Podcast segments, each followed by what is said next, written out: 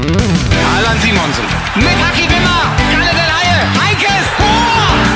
In der Nachspielzeit mit dem 12 zu 0. Robert Nordweit, Dicker Mago, Reus, Dicker Mago, Tiki Taka in Bochum, 1 zu 1, Marco Reus macht den erlösenden Treffer, auch wenn das Spiel noch nicht Hei og hjertelig velkommen til en ny episode av eh, Gladbach-podden. Står eh, på stedet hvil og eh, har tatt eh, to poeng på de siste fire kampene.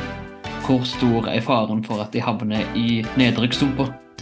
Det er 50 år siden den største Gladbach-kampen i historien.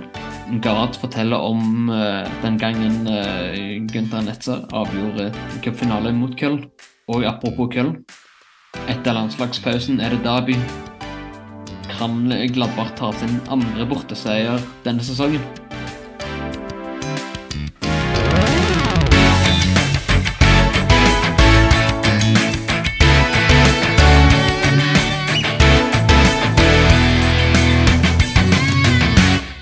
Hjertelig velkommen til Markus i uh, Lørenskog. Takk, takk. Hvordan eh, står det til i eh, Har våren kommet til Norge? På ingen måte. Her er det mye snø noen dager, og så regner det andre dager. Så det er en sånn fin, eh, fin sørpe utafor. Ganske kjedelig. Det er litt kjipt. Ja, jeg håper at når man har kommet liksom til midten av mars, at det begynner å se litt uh, mer påskete ut, men uh, Men nei da. Det er en lang vinter i år. Kjedelig. Ja, det er kjedelig. Men vi har noen dager med sol også, da, så er det, det, det hjelper veldig på. Kan jeg i Bergen uh, Gart, det er vel ikke så mye verken uh, sol eller eh, snø i, eh, i Bergen. Jeg skulle ikke tro det, men eh, siste veka så har det vært Altså, først var det dødsmasse snø. Det snødde altså så voldsomt. Eh, så jeg begynte å lure her går det an i starten av mars i Bergen. Det er lenge siden jeg var med på, hvis jeg var med på det noen gang. Um, og i går, for eksempel, så var det knallsol. Og så, så er det nå, så er det bare bøtta det ned. Så det går liksom, akkurat nå går det annenhver dag at det er enorme mengder regn, og så ingenting i det hele tatt. Men det er jo eh, Nemlig. Altså, det er jo en del av våren òg. Eh, det er ikke helt april ennå, men de sier jo òg på tysk eh, april, april, der merkt hva seg vil. Altså at april gjør som man vil, og våren gjør som man vil. Eh, så det er det som skjer akkurat nå. Høres ut som eh, veldig, veldig, ja, veldig aprilvær egentlig, men det er jo bare i mars, da. Ja. Er det det samme i Hamburg? Nei, her har det faktisk vært eh, 16 grader og stort sett sol siden eh, fredag, så det har vært veldig vårlig de siste dagene. Oi. Så det har vært veldig, Ja. veldig deilig. Jeg benytta sjansen i går til å vaske balkongen, blant annet, for den har ikke vært eh, gjort noe med siden vi flytta inn flere år før, sikkert. Det var sikkert deilig å få gjort det. da. oh, det, Ja, det var det. Var det. Jeg, jeg var veldig nærme å ta årets første utepils, men så kom det noen skyer og sånt, så da, da ble det ikke årets første utepils likevel. Så kom det noen skyer. Hør på deg, ja. Living the life nede i Syden. Nei, men eh, Nei, så det har vært veldig eh, Det har vært veldig deilig, da. Høres sånn ut. Jeg hadde egentlig tenkt meg på uh, Hamburg-kamp i går. Men uh, den kampen var rett og slett uh, utsolgt ganske god stund i forveien. Men litt uvanlig for uh, det hamburgere. Men de kjemper jo om opprykk nå, så nå begynner folk å ha lyst til å gå og se dem og håpe, og håpe at de skal komme seg opp i Bundesliga. Har de ikke kjempa om opprykk hver sesong siden de rykka ned? Jo, omtrent. Og så har de her, herpa alt? Litt mer optimisme nå, så er det jo en er vel første, første gang på et par år at det er helt uten koronarestriksjoner og sånn. Men de ligger på playoff. Ja, de ligger på playoff nå fordi de spilte uavgjort mot Holstein Kiel den runden her. Nemlig. Så vi får se om det blir eh, i Glabber i uh, Hamburg neste sesong eller ikke. Mhm. Ja, det hadde vært gøy, da. Uff, det kan Det det. tolkes begge veier når du sa det på den måten. Uff. Det, Ja. det kan gå motsatt òg, at de får, blir nede, og det er vi som kommer ned. Eh, Nå skal vi bli for eh, Så ille, altså. det- Det går ikke bra, men så ille. Nei, vi Skal får det vel ikke gå. Nei. og, eh, Vi kan jo ta det for etter Sist gang vi snakka, så var jo etter eh, Bayern München-kampen. Og eh, da var det Så naive fire der. kamper før den episoden vi tar opp nå. Og Husker du hvor mange poeng du trodde vi skulle ha etter disse fire kampene, Markus? Ja, jeg hadde jo tenkt syv, som jeg tippa i Mhm. hvert fall. Og Gard eh, på ti. For en skyld optimistisk. Og Einar, Einar med seks, da. Så du var jo nærmest, Einar. Ja, men eh, mange poeng har vi tatt på disse fire kampene? Nei, to? Det, det er jæklig dårlig, altså. Ja, det er helt forferdelig.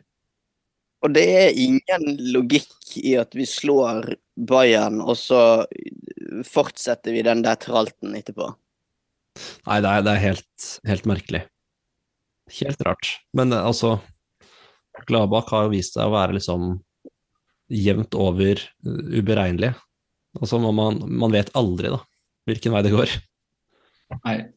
Men nå er, det jo, nå er det jo nesten så det begynner å bli at du vet at de vinner ikke uansett. Da.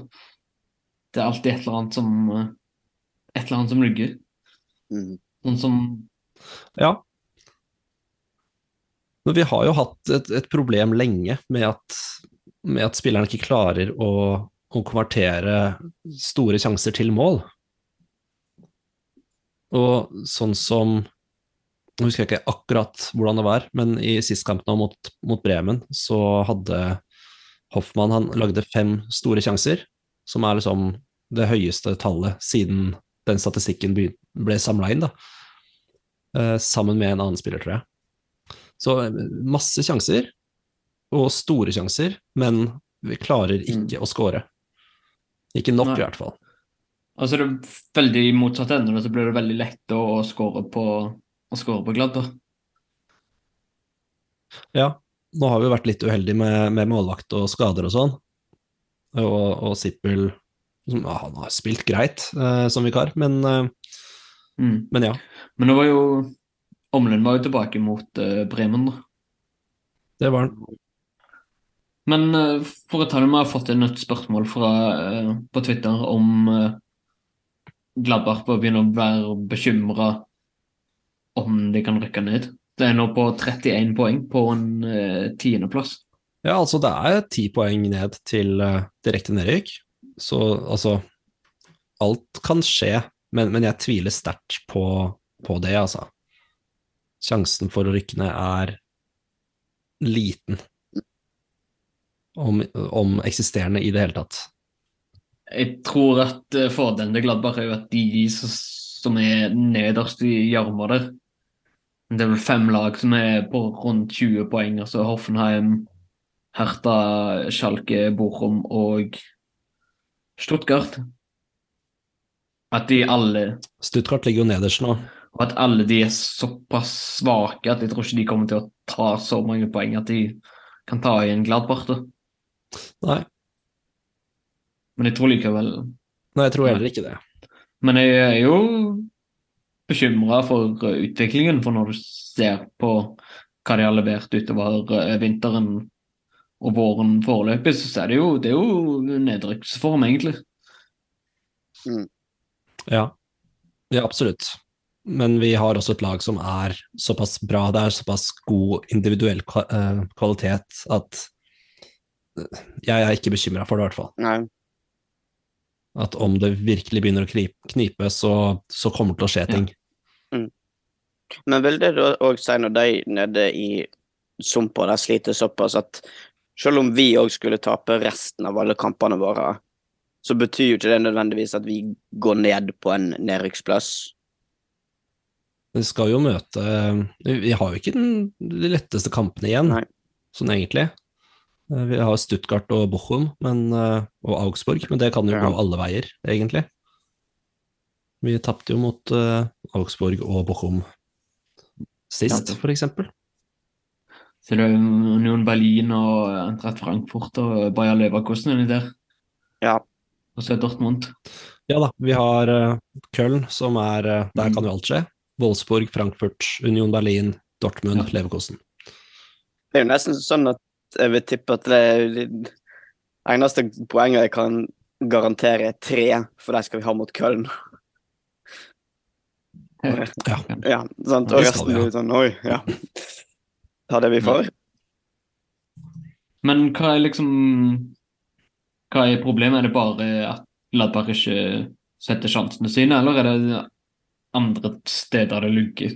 Er det liksom hele måten man spiller på? Er det troppen for dårlig? Troppen er ikke for dårlig, men jeg, jeg tror det er en del spillere som, som vet at de skal bort, som kanskje ikke gir maks.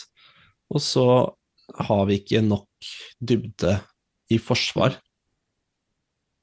Og så, og så er det jo det med spissene, at vi ikke klarer å score. Jeg mistenker nesten òg at det at vi har hatt sommer, nesten har blitt ei hvilepute.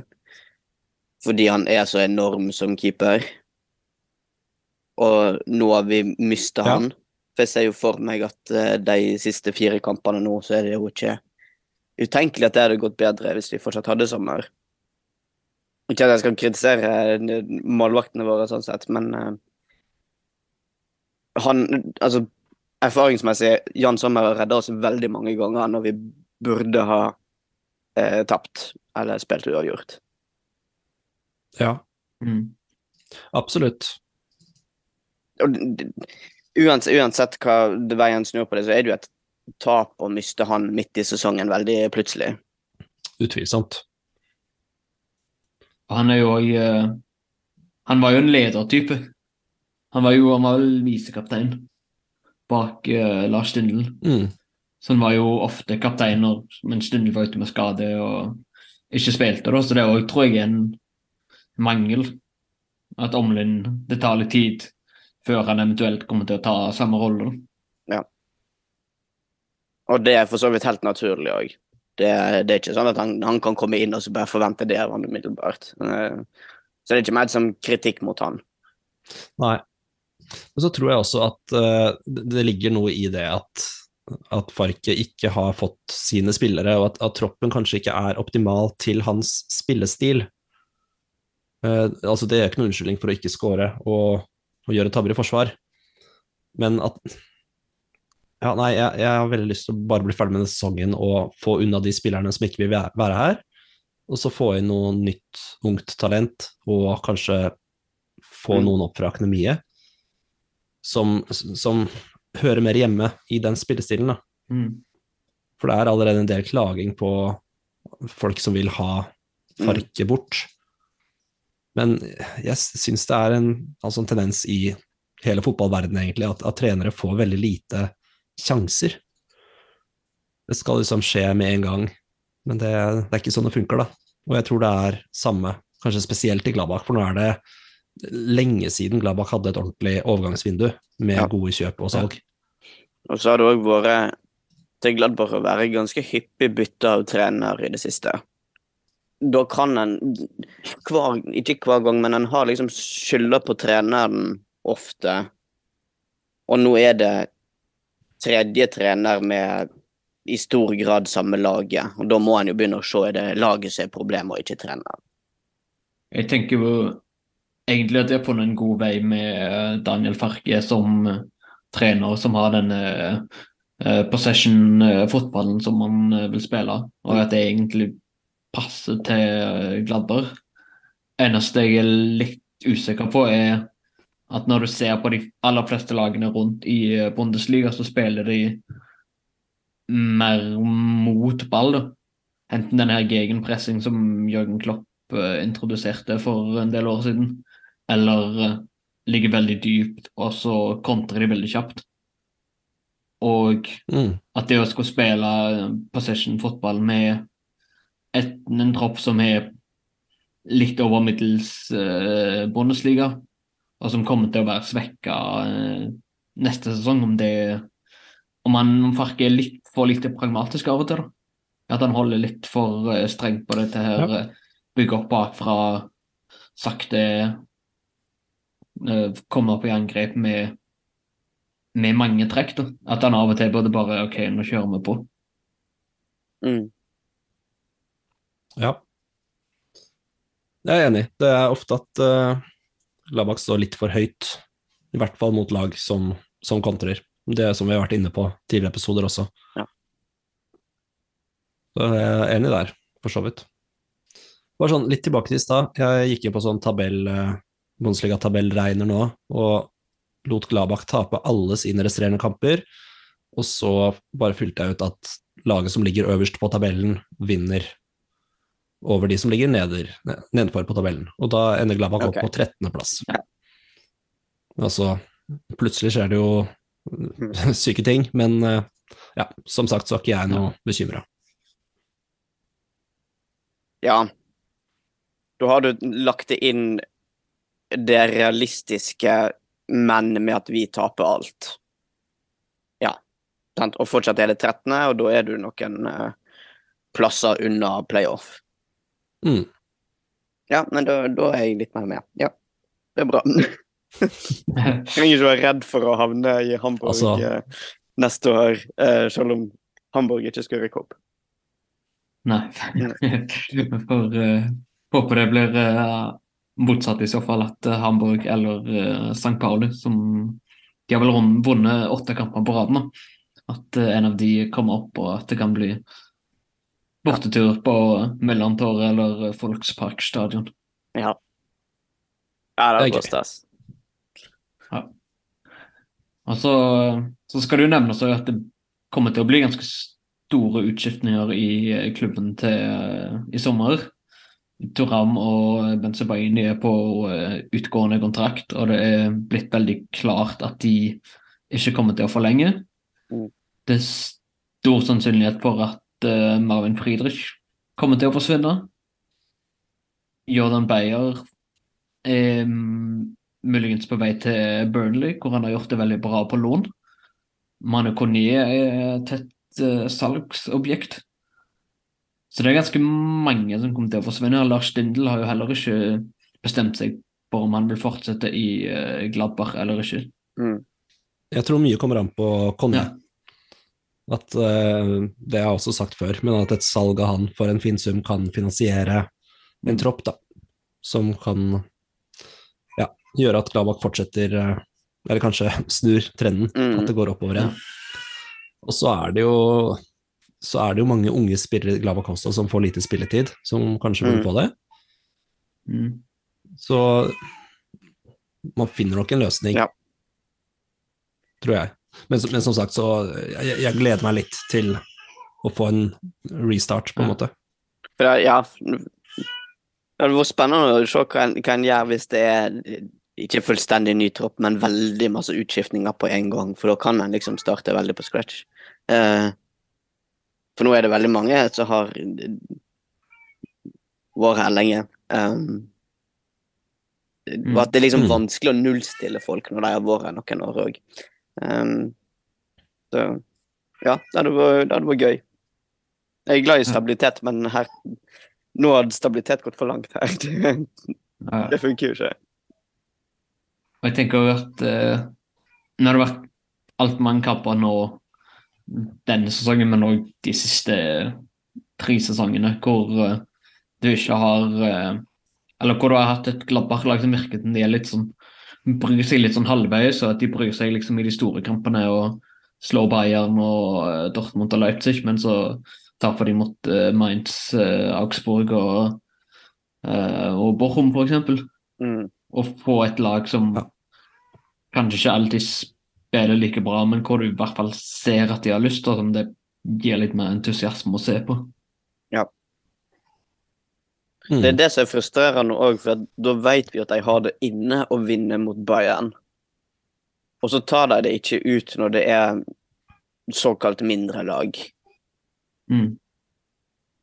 Så det, det er ikke det at jeg klandrer dem for å tape mot dårligere motstand, det er bare ekstremt frustrerende at det skjer. For hadde vi nettopp tapt mot Bayern i den kampen som var òg, så hadde det liksom vært sånn mindre frustrerende å tape mot de vi har tapt mot etterpå. Mm. men med den troppen vi har, med markedsverdien til dette laget, så er- underpresterer vi jo kraftig. Og jeg tenker jo liksom at uh, for eksempel Markus da, vi har jo snakka litt om det før, uh, før podkasten, at uh, han ønsker seg jo til en storklubb, men uh, når han brenner så store sjanser som han gjorde mot uh, Verdal Bremen, så skjønner jeg liksom ikke helt hvorfor uh, Inter eller uh, noen sånne klubber skulle ville hente ham. Nei. Nei, for det er jo i alles eget, egeninteresse, på en måte, å, å gjøre det bra. Altså, vil, vil Turam spille for en storklubb, så må han jo prestere. Ja, Ja, det er veldig rart. det er det som er litt merkelig. Ja, men også veldig teit av Glabach å ikke liksom få solgt han i januarvinduet eller i, i fjor sommer, Ja. sammen med Benzebaini. Å være såpass naive og tro at disse spillerne vil signere ny kontrakt med klubben. Ja, jeg, tror vel, jeg tror vel egentlig de skjønte at de ikke kom til å gjøre det. Og Turan hadde de jo tenkt å selge i 2021, var det vel. Så ble han skada. Stemmer det. Men hva var planen der? Da at de skulle gå på utgående kontrakt og bare ha dem et år til, og så Virker jo veldig snålt, det òg. Jeg tror de hadde Jo da, men, men Benzabaini og Turam på sitt beste er jo verdt ganske mye i et år. Det er de. Nei, det blir en, eh, det blir en eh, monsteroppgave for uh, Roland Birkus. Eh, Kan vi ta med et annet uh, spørsmål litt rundt dette? Fordi Daniel Farke har jo fått en del kritikk for å bytte veldig lite, og når han først bytter, bytter veldig seint i kampene. Og um, jeg har fått et spørsmål fra Joakim Jørgensen, som lurer på uh, som lurer på at, uh, at det er kommet en del murring fra yngre spillere om lite spil spilletid, og hva vi tenker om det. Nei, jeg er jo for så vidt enig, men, men det er jo vanskelig å sette inn på unge, uerfarne spillere når man gjør det såpass dårlig også. Mm. Men, men Luca Netz da er kanskje det beste eksempelet, for han er jo fremtiden, på en måte. Han skulle jeg gjerne sett spille Mm. mer, uh, for, istedenfor Benzebaini, eksempel, som er på, på utgående kontrakt. Ja. Men ellers så er det jo ikke så veldig mange spillere å, å snakke om. Du har jo Borges Sanchez, som er supertalent, men han har også vært mest nede på andre lag og U23 for å For han har ikke gjort det bra nok på trening, da, Mm. sies det. Så det er jo den sterkeste som får, som får plassen, og akkurat nå så er det erfaring som gjelder, da. ja. Er ikke det òg sånn at det er lettere å, å bytte inn på unge spillere når det går bra? Ja, sant? Fordi det, det, nå har det liksom gått Ja, det har, det har gått dritt utenom Bayern, liksom. Så eh, det er jo ikke noe si hyggelig miljø å komme inn på når du vet at det går dårlig, og du skal egentlig bare få spilletid, og så kan du potensielt bare gjøre ting verre. Um, Mm. men det kanskje hadde gått bedre òg hvis yngre folk fikk prøve seg litt mer og var, kom inn med litt friskere bein og var, eh, var keen på å vise seg fram òg, da. Men eh, jeg ser liksom ikke helt for meg at laget i den forfatninga her hadde hatt så godt av det. Nei. Og skal unge spillere bli bra spillere, så trenger de jo sjanser òg, og Ja. muligheten til å gjøre feil.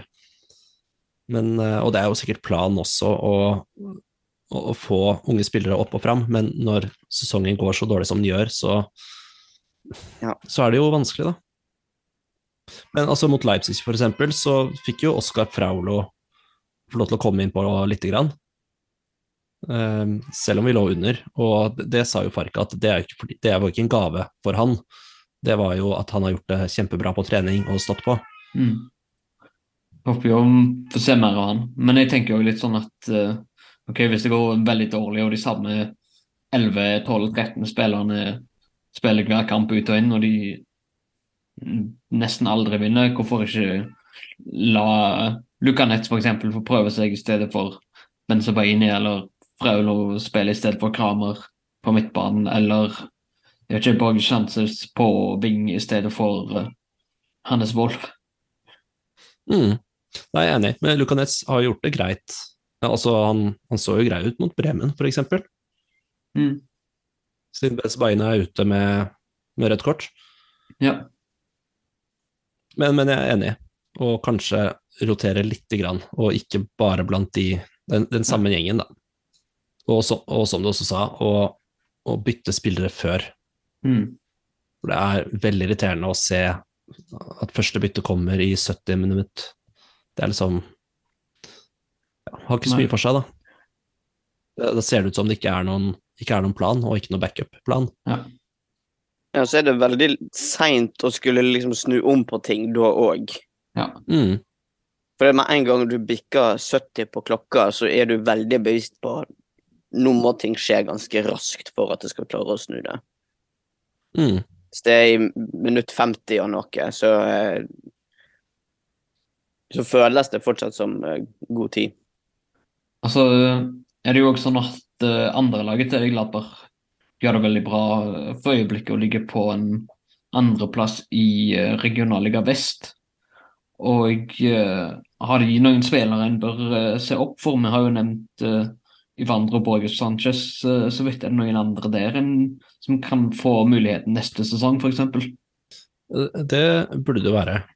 Jeg må bare gå inn og se på denne, på denne lista. Jeg har ikke 100 oversikt over, eh, over andre laget. Jeg vet eh, en, eh, en spiller som han fikk vel litt inn opp i eh, Det var vel i vinter før, eh, før vinterpausen. Uh, Lalovic, En spiss som eh, Ja, stemmer. han fikk fem minutter mot eh, Jeg husker ikke hvem han var mot, men eh, i hvert fall veldig lovende, lovende spiller der, da.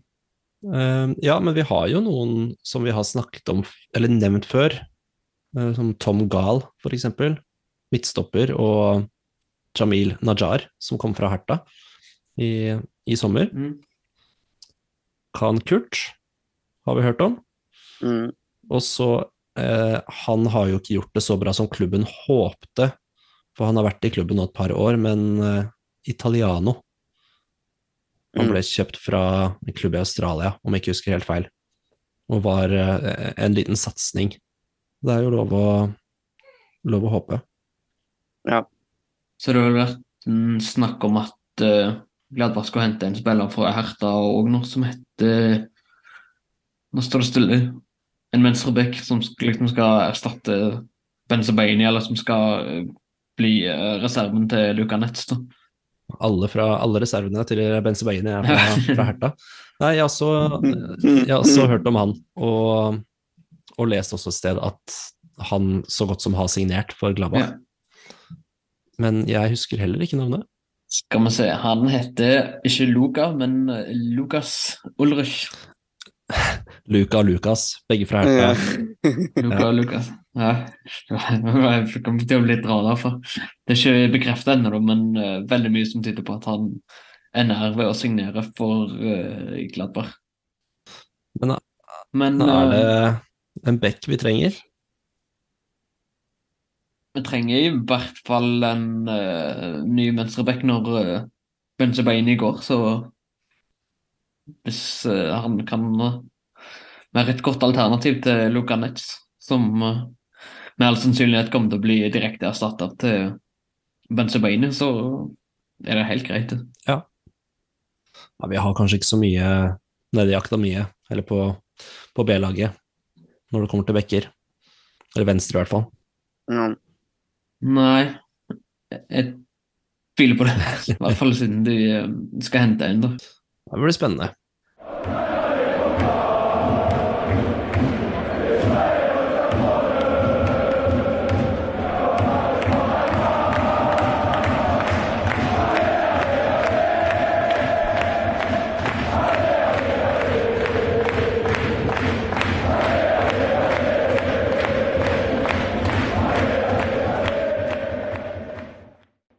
Vi skal snakke om litt uh, lystigere ting.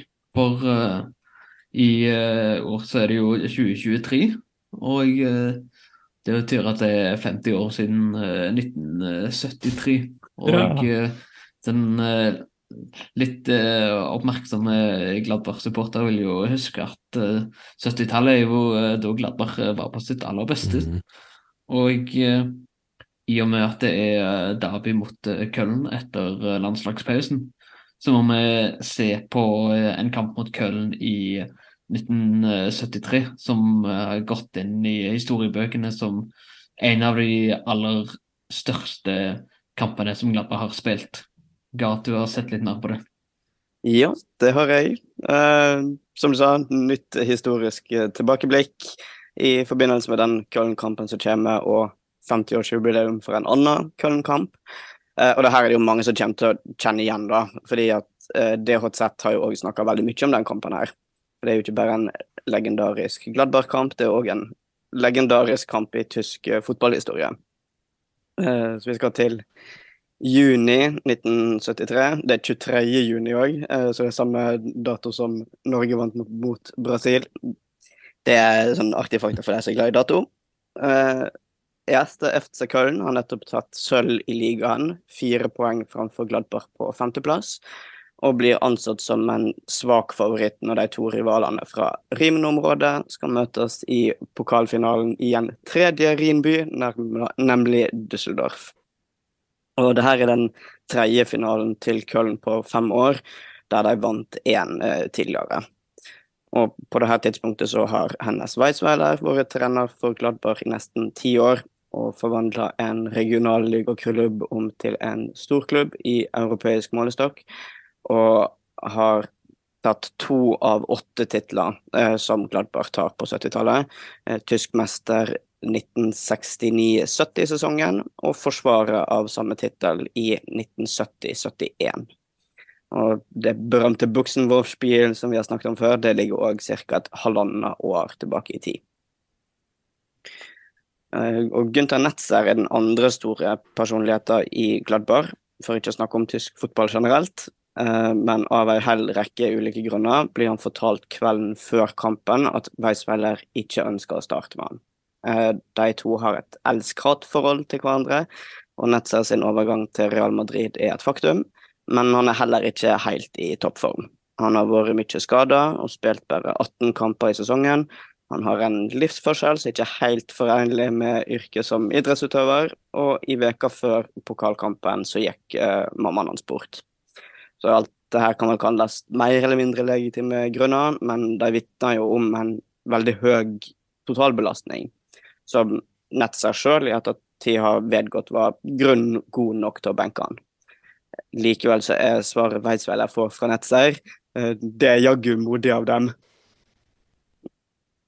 Eh, Og han er jo som sagt en stor stjerne i klubben, så under hele kampen så kommer det òg rop fra tribuner om å sette han innpå. Eh, Den plassen gikk derimot til Herbert Wimmer, eh, og han skåra for Gladbach etter 24 minutter. Köln utligna derimot fem minutter før pause. Og i pausen så ønsker Weisweiler å sette Netzer innpå, men Netzer takker nei til det, for han mener at det ikke kommer til å gå noe bedre med han sjøl på banen. Eh, Så det virker som om Gladbar sliter mot det her antatt sterkere Köln-laget. Det står likevel fortsatt 1-1 etter nye 45 minutter, og kampen går til ekstraomganger. Og det er jo her det berømte, eh, som jeg ikke trenger å forklare i større detalj, eh, skjer. Netzer reiser seg, tar av seg jakka, sier til Weisweiler nå spiller jeg, og bytter plass med Christian Kolik, som uansett var ganske god en. Og han er på banen i tre minutter før han sentrer en pasning til han som nå er visepresident i Gladbar, nemlig Rainer Bonhoff. Bonhoff sentrer tilbake, Netze treffer den ganske skeivt med sin dårligere venstrefot, og ballen går i mål bak Köln-keeper Gerhard Weist. Weltz. Og de jubelscenene er jo helt ville å se. De går ikke an å forklare eh, eller beskrive på noe vis. Og kampen ender med det 2-1 til Gladbar. Og tittel nummer tre av de åtte som ble tatt på 70-tallet, den er i boks. Deilig. Ja. Det er ganske hardt, og liksom Treneren sier til deg i pausen at 'nå skal du spille', så sånn Nei, tror ikke det. Og så litt seinere sånn Nå skal jeg spille. Ja. er eh, Ja. Og så syns jeg det er vittig, fordi at historia er jo at han nekter å bli satt innpå i pausen. Og så veit jeg ikke om det er noe folk har dikta opp i ettertid, at eh, det er sånn at han surmuler fortsatt og ikke vil. Eller om det er som han sier, at det hjelper ikke om jeg kommer innpå uansett. mm. Men eh, det er gøy å spekulere.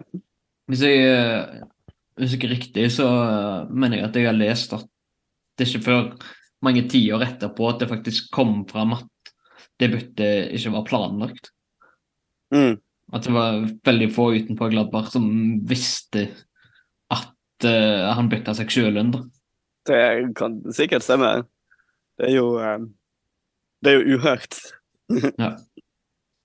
Altså, det er jo veldig gøy at det skjer i den aller siste kampen hans for klubben, som liksom er med å sementere legendestatusen hans i Gladbar enda mer enn den eh, var fra før. Han var jo han var allerede en stor legende, men eh, spørsmålet er om han ville hatt en så stor legendestatus uten akkurat det målet og selve historien rundt det. Ja, Det er helt sant. Én ting er å være legende mens du er der, men å bli stående som det etterpå, det, det krever enda litt mer. Mm. Under, eh, når den første lockdownen kom under eh, covid, så en av tingene jeg gjorde, var å eh, se på den kampen her i oppdrag. Da. Det, var, Mhm. det var gøy. Det er veldig, veldig annerledes enn i dag, men uh, likevel en veldig, uh, veldig underholdende fotballkamp. Og den er blitt kåra til blant de ti beste kampene i Tyskland gjennom historien. Ja, det det tviler jeg ikke på. Jeg, eh, han ble jo òg Altså, Netzer eh, ble jo fotspiller des Jarets, altså årets fotballspiller, og målet ble jo månedens mål i tillegg. karakteristisk sånn, hvor han hopper opp i lufta og liksom slår med knyttneven etter, eh, etter å ha skåret det målet. Da, som, sånn, Ja. som, eh, som ser litt ut som en sånn føll som eh, hopper rundt på marka etter at når første vårsola kom fram. og sånn. Ja. Veldig, ja. Et eller annet passer veldig, veldig inn der. Og liksom selve det, det, de jubelscenene har blitt veldig ikoniske i ettertid. Ja, Absolutt. Som sagt, det er helt nydelig å se. Det går ikke an å beskrive det. Jeg må inn på YouTube og se de uh, jubelscenene sjøl. Ja. Og, det, og det løpet og de, de pasningene mellom han og Bonhoff òg, det Ja, det er nydelig. Herlig. Vi skal eh, definitivt snakke mer om eh, Gunther Netzer ved senere anledninger. Men eh, nå skal vi håpe vi på nye jubelscener i uh, neste kamp. Det ble jo, nå er det jo landslagspause. Og så er det Köln, som nevnt, borte mot Köln. Ja. Og uh, hva tror dere om det? Kan Gladbach endelig ta eh, poeng? Kan de ta sin andre borteseier denne sesongen? altså, det er jo som vi har nevnt tidligere i den episoden her, at den kampen skal vi jo vinne. Og så har vi jo vist at eh, hvis det går en faen i det laget, og en eh, bestemmer seg det her er en virkelig stor kamp, vi har ikke noe valg, så klarer de jo å vinne. Eh, så til tross for den formen som har vært de siste fire kampene, så så er det ingenting i veien for at vi skal klare å vinne den kampen her. Men ser liksom uh, Benzebaini og Turam og Kone som alle potensielle salgsobjekter, eller som to av de kommer til å forsvinne definitivt. Og kom, ser de på Köln som en så stor motstander hvor de kommer til å få vist seg fram for eh, potensielle eh, kjøpere. Jeg tror at det ligger mer til det enn det òg. At hvis de ikke jobber med nebb og klør, så vil ikke resten av oppholdet deres i Gladbach være noe særlig. Det tror jeg de eh, Uansett hvem du er, si, hvis du er fotballspiller, så noen derbyer du, du merker det, at her må jeg bare jobbe på. Det, det tror jeg de vet, og det, jeg tror de kommer til å gjøre det. Men om vi klarer å vinne, er jo en annen sak. Det er jo en bortekamp, og Köln har jo, har jo hatt en litt sånn tilsvarende sesong som Gladbach. Nå tapte de jo 6-1 mot, uh, mot Dortmund, da. Nå ligger jo Dortmund Mm, faktisk på førsteplass i Bundesliga over eh, landslagspausen nå. Ja. De, uh, de tapte jo òg mot uh, Borum, hjemme mot Borum. Ja. Før uh, de tapte mot Dortmund. Så Köln har vært ganske svake. Så de er litt sånn, ja, som dere sier, litt samme situasjon som Gladbach og to lag som egentlig er litt sånn nedadgående formkurve. Mm. Og så tror jeg òg Alle har jo vært der lenge nok til å få med seg at derby mot Köln, det er viktig. Ja. Og det, det er en storkamp uansett hvordan det ser ut for de to lagene sånn ellers. Ja, altså form og sesong har lite å si, på en måte. Ja, sant. Det er jo som eh, mange trener i diverse klubber med en viktig rival har sagt, at vi har eh, 32 kamper og to derby å spille. Det, var, det sa vel det Jørgen Klopp i eh, Dortmund òg. Ja. Og det, det er den innstillingen han har til det. og Da, eh, Ja. da er det spesielt. Mm. Det var ei på Twitter som lurte på om jeg tror uh, Koit Akura kommer til å bli benka mot uh, mot Köln. Nå har ikke jeg sett noen begrunnelse på det, men uh, har han vært dårlig mot uh, Var han veldig dårlig mot Werder Bremen? Jeg så bare andre omgang, men uh, eh, Og et, et løp. Altså klubben på Twitter sammenlignet han jo med Mbappé. Da han hadde sånn sololøp over hele Mm. banen og sendte en, en nesten perfekt pasning til Turam, som bomma da på nesten toppen mål. Men så var det jo en situasjon hvor han ble løpt rundt, han sklitakla litt tidlig, som resulterte i mål til Bremen. Men jeg syns ikke han har spilt noe dårlig, nei. Jeg syns han er en av de som ser friskest ut utpå der. Det er mange av spillerne som ser ut som Altså, de er gode, og de, de vil spille, men det er noen som har det lille ekstra giret, blant annet av Hoffmann og Stindl. Og jeg syns også at Itakura er eh, på, på rett spor, altså. Så jeg vet ikke helt hvorfor han skulle bli benket. Jeg ville heller benka Elvedi i så fall, for han vi har snakket om det før, men han har sett veldig uh, svak ut i uh, det siste, da, selv om han gjorde det helt greit mot uh, Werder Bremen. Da. Mm. Og hva er alternativene, er jo også et spørsmål.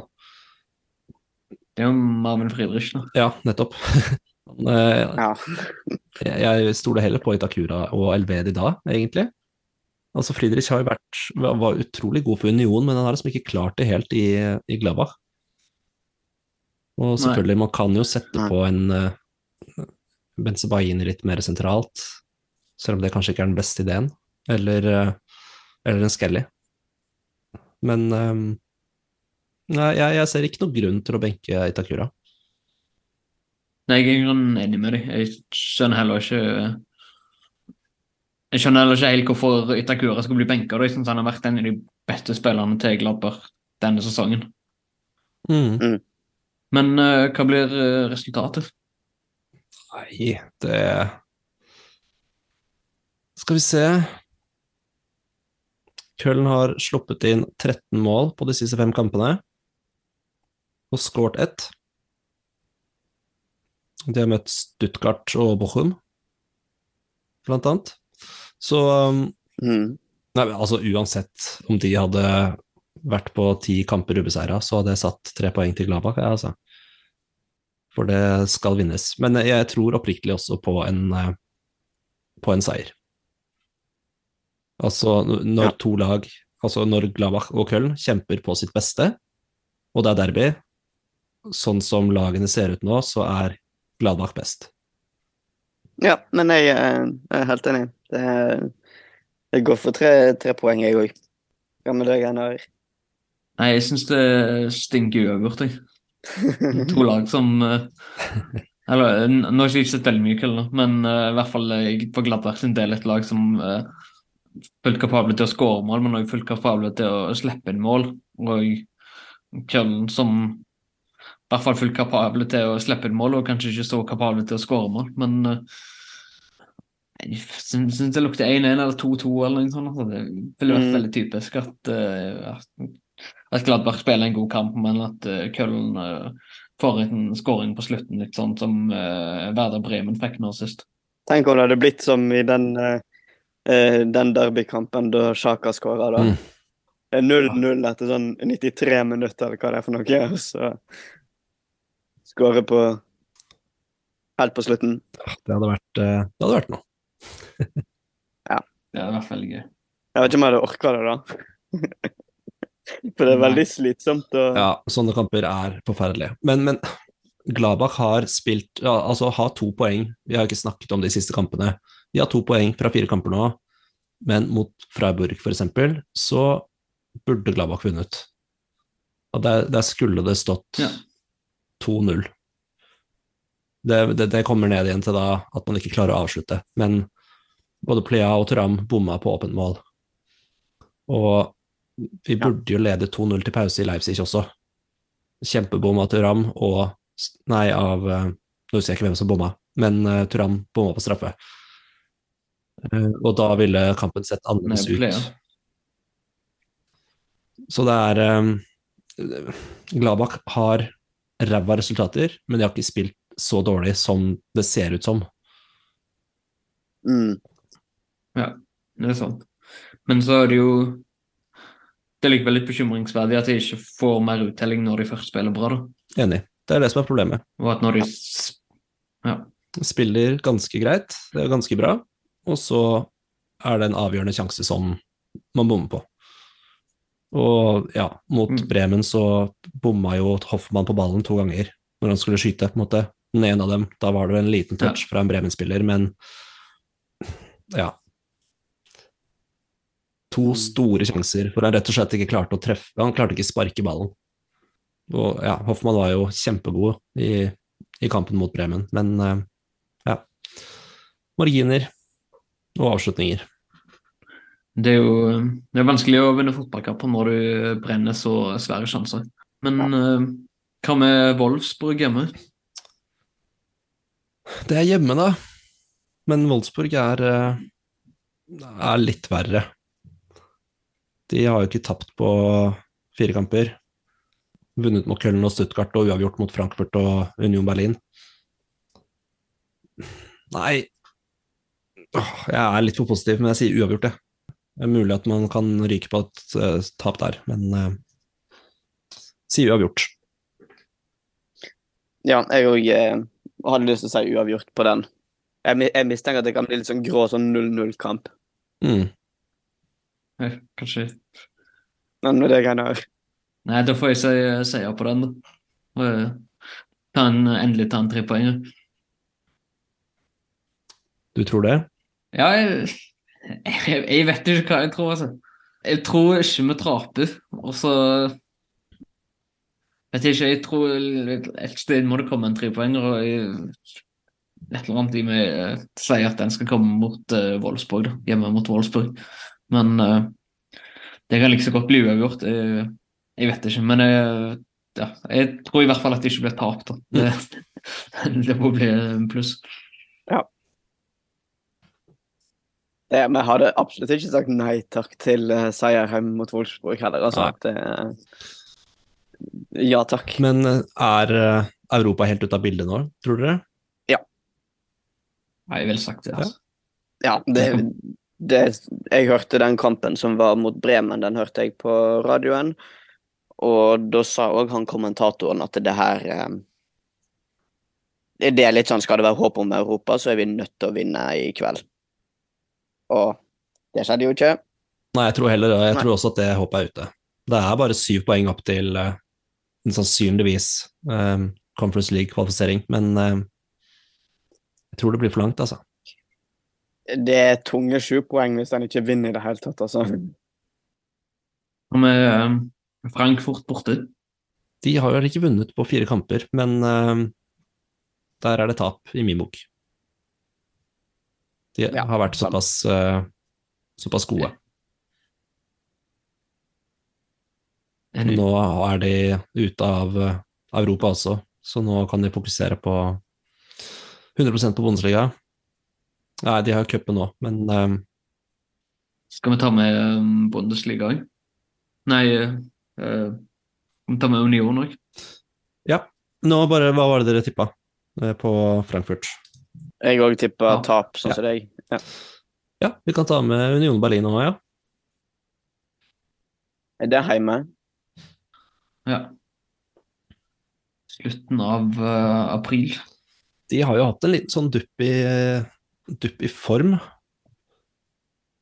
Ja. Men nå er de ute av Europa, da. Det er det de er. Og så vant de mot Frankfurt. Det gjorde de også. Og så er det, og så er det landslagspause, og så er det noen kamper fram til det er Union òg. Ja, Union hjemme er uh, uavgjort. Hadde bare slitt voldsomt mot Union siden de rykka opp. Det vel, Mm. jeg vet ikke om de har slått de i det hele tatt. Jeg kan sjekke. Jeg tror uansett ikke det blir eh, seier i denne her kampen heller. Jeg tipper vi taper. Mm. Eh, Gladbach vant 4-1 i 2020. Mm. Ja. Men ellers er det uavgjort siden. å tape, Ja. Mm. Ja. Du sier tap, Gard. Jeg tror det blir tap der. Vi er ikke, vi er ikke like oppe og nikker på positiviteten akkurat nå. Nei, jeg prøvde jo eh, Jeg skulle jo prøve motsatt jinx eller et eller annet. Eh, Det funka dårlig.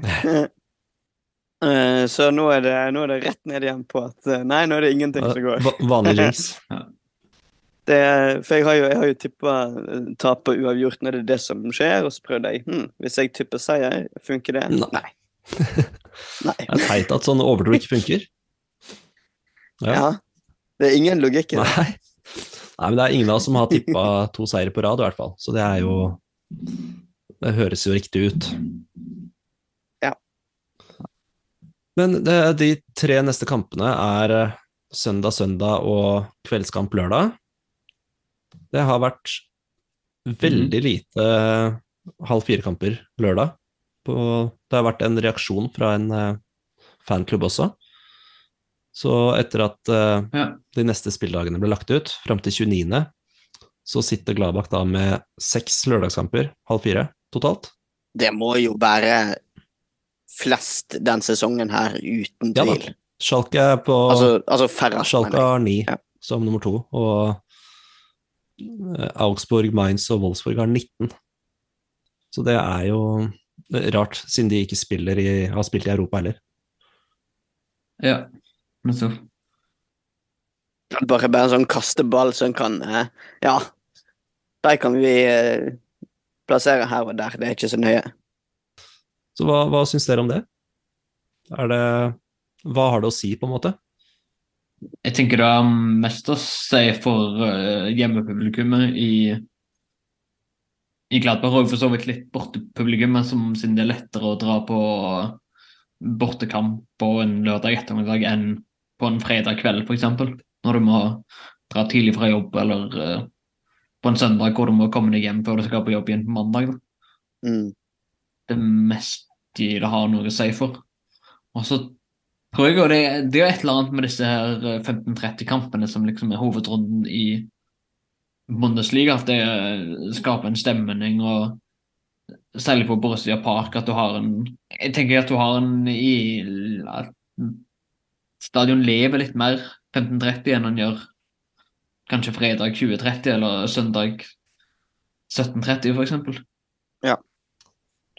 Og så tenker jeg òg Det her er jo òg fordi jeg er veldig rutinemenneske, da, men eh, jeg kan se for meg òg at fotballspillere tenker at eh, rutinen er at de skal spille 15.30, og så er det sånn innimellom at det blir en fredag eller en søndag eller seinere på lørdag. At eh, Hva skal jeg si Jeg hadde i alle fall vært innstilt i kroppen på at det er 15.30 lørdag jeg skal spille. Og hvis det da nesten hver helg ikke er det Jeg hadde blitt urolig av kroppen av det, da. Eh, Jeg veit ikke om spillerne, når de er proffe sånn som de er, eh, blir påvirka av det i den grad, men eh, ja. Det, det blir liksom Hver helg blir litt sånn annerledes. Mm. Mm. Nei, men det er jo litt med På bortekamper òg, da. Når det er vanskeligere for fans å dra langt bort på søndag kveld, for eksempel. Eh, og det kan jo ha noe å si for prestasjonen på banen også. Eh, og ja. Ja. jeg kan jo lese litt fra dette åpne brevet fra, fra den fangruppen. At det er helt uforklarlig for oss og hele fanscenen vår hvorfor vi i en sesong uten europeisk konkurranse fram til 29. kampdag kun skal spille seks ganger på en lørdag klokka halv fire. Og så snakker de om seertallene lite grann, og også fordømmer forbundet og, og sier at det har vært mange løfter tidligere, ikke alle ble holdt. Og vi tenker spesielt nå på regelen at vi ikke skal måtte reise mer enn 300 km på søndager. Fra dagens perspektiv er dette kun verdt et svakt smil. Um, og så snakker de om da fansen skulle til Berlin, Union borte, f.eks. Som ikke nok med at det var på en søndag, eh, men også at det var klokken halv åtte på kvelden. Oh. Det er seint. Kampdagene ble plukket fra hverandre mer og mer på bekostning av fansen. Eh, Fansa ser ut til å ha blitt helt glemt, sies det. Det burde jo vært jevnere fordelt. Ja, absolutt. Så jeg, jeg skjønner ikke helt grunnen til at det har blitt sånn. Og en, en ting er at vi ikke har Europa, men vi har jo ikke cup heller. Nei. Der røyk vi òg ganske tidlig. De, de avslutter med 'vi tar kanskje feil', um, og at vi kanskje ikke er ønsket i det hele tatt. Kanskje DFL allerede jobber med en grønnskjermteknologi som kan erstatte oss uten irriterende bakgrunnsstøy. Da kan vi bare gratulere dere, for dere er på rett spor.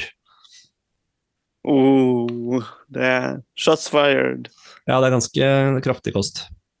ja. Det er litt typisk eh, sånne fangrupperinger når de kommer med kritikk av eh, DFL og DFB. Absolutt. Men altså på sin plass, da. Absolutt, ja. Ja, ja. Ja. For all del. På den, eh, den lystige avslutningen skal vi kalle det en dag. Yes. Ja, vi får gjøre det. Takk til eh, Markus i eh, Lørenskog. Takk selv. Takk til Gard i Bergen. Takk til deg òg. Eh, Takk til deg som hører på. Vi er Gladbach-podden, og på gjenhør. Ha det. Tschüss. Allan Simonsen. Mit Aki Wimmer. Kalle in der Nachspielzeit mit dem 12 zu 0. Robert Nordweit, dicker Amago, Reus, dicker Amago, Tiki Taka in Bochum, 1 zu 1. Marco Reus macht den